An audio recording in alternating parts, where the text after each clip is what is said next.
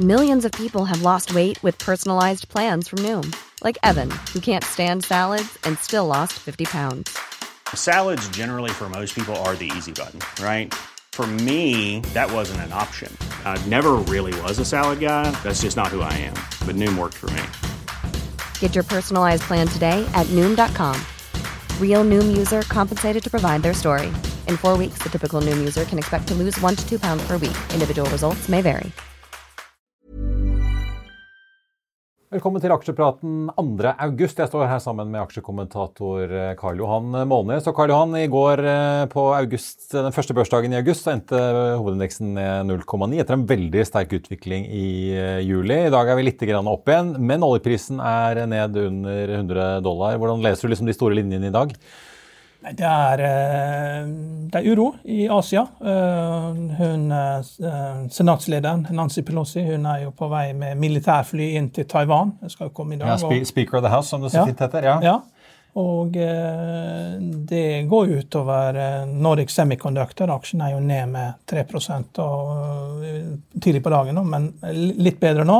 Men jeg tror ikke det man skal frykte så mye, dette her, akkurat det besøket. For jeg tror det Ja, for kineserne misliker jo dette kraftig. De har vært ja. ganske harde i klypa, i hvert fall verbalt, om toppamerikansk besøk til Taiwan. Ja, men det faller sammen med en deadline for China tariffs. da, og jeg forstår det sånn at Joe Biden i går hadde besøk av lederen lederne for eh, eh, de største varehandelhusene i USA. spurte de liksom hvilken effekt har eh, China tariffs på butikken. Og de sa jo at det, det, er jo det er supply chain som er hovedproblemet, det er ikke tariffene. Men det kan komme en beslutning i dag som er i favør av Kina på tariffen. At de enten tar det helt bort eller tar det halvveis bort.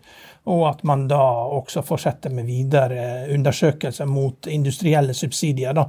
Og, og, jeg tror det er i den sammenheng man må se besøket som, eh, som, blir gjort her. At det kommer samtidig at hun flyr inn, og så kommer det annonsering på dette her, slik at Kina får noe, og så får man da Gi litt og ta litt, litt ta eh, rett og slett altså, på ja. tvers av Stillehavet? Ja, da, og, og, hun Pelosi hun er jo datteren av eh, ordføreren i Baltimore. Det er filmen serien Wire derfra. og Baltimore var mye snillere by når hun vokste opp, men hun førte da boken som ordføreren da i, i, i, Baltimore hadde, om hvem han skyldte tjenester, og hvem som skyldte tjenester til han.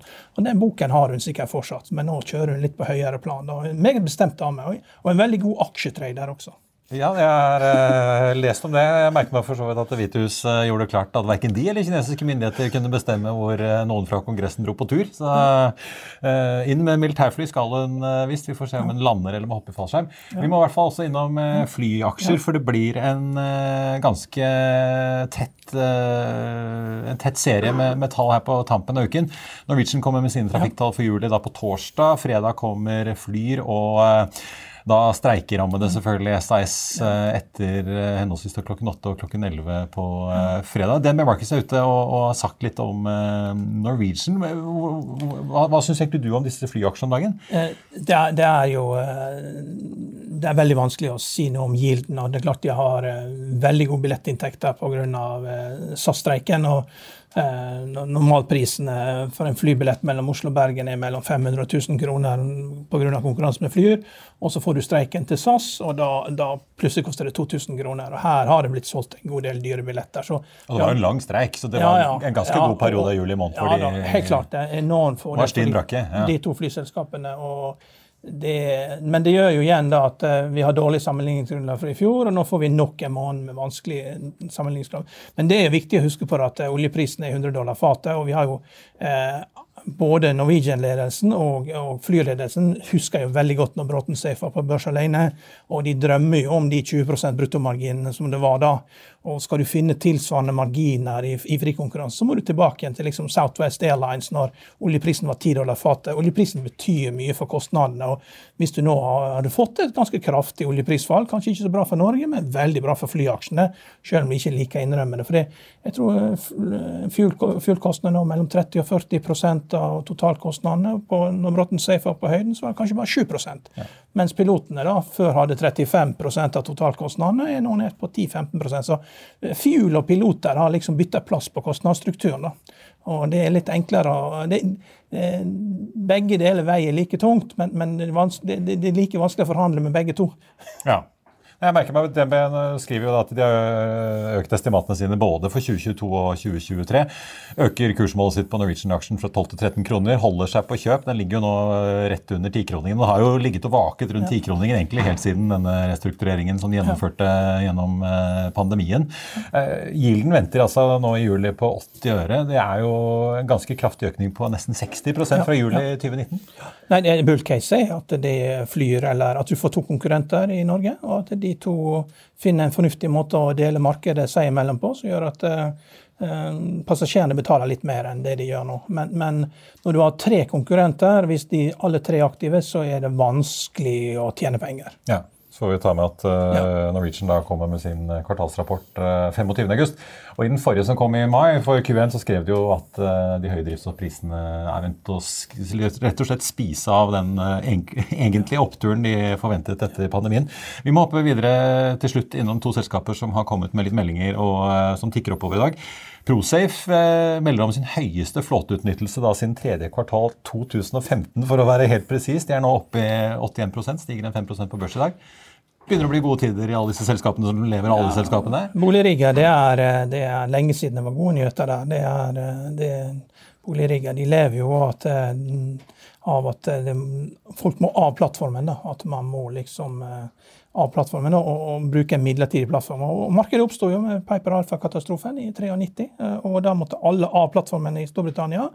Og man måtte da pusse opp. Og, og Så lenge man hele tiden drev og kjøpte gamle rigger og bygde på eh, hva skal jeg si da, med sånn Moelven-brakke-type moduler oppå, så gikk dette markedet bra. Men det var når man begynte å bestille nybygg, da gikk dette her over styr. Og det er jo det som man sliter med her, at det har blitt en overkapasitet. Og eh, det er lenge siden jeg studerte dette markedet nøye, men det er ikke så mange enheter. Man må ned, så må man telle antall enheter, så må man måle tilbud og etterspørsel.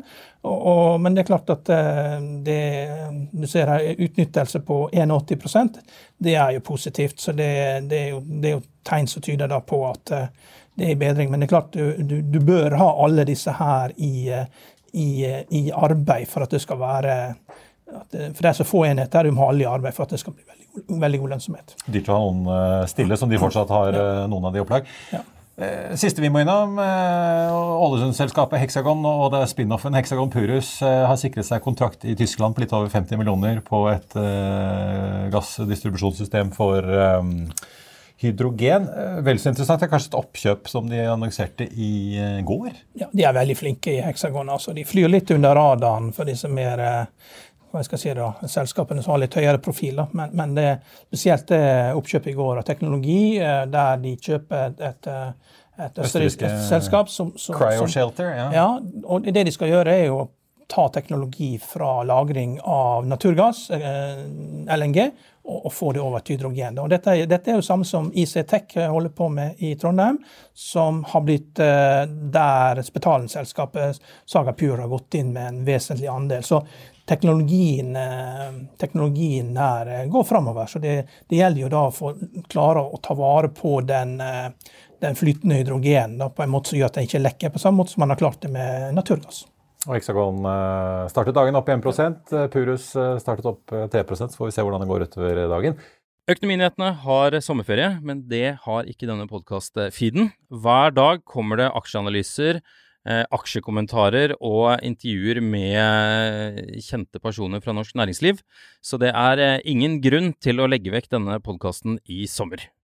Økonominyhetene er en podkast fra Finansavisen. Programledere er Marius Lorentzen, Stein Ove Haugen og Benedikte Storm Bamvik. Produsenter er Lars Brenden Skram og Bashar Johar. Og ansvarlig redaktør er Trygve Hegnar.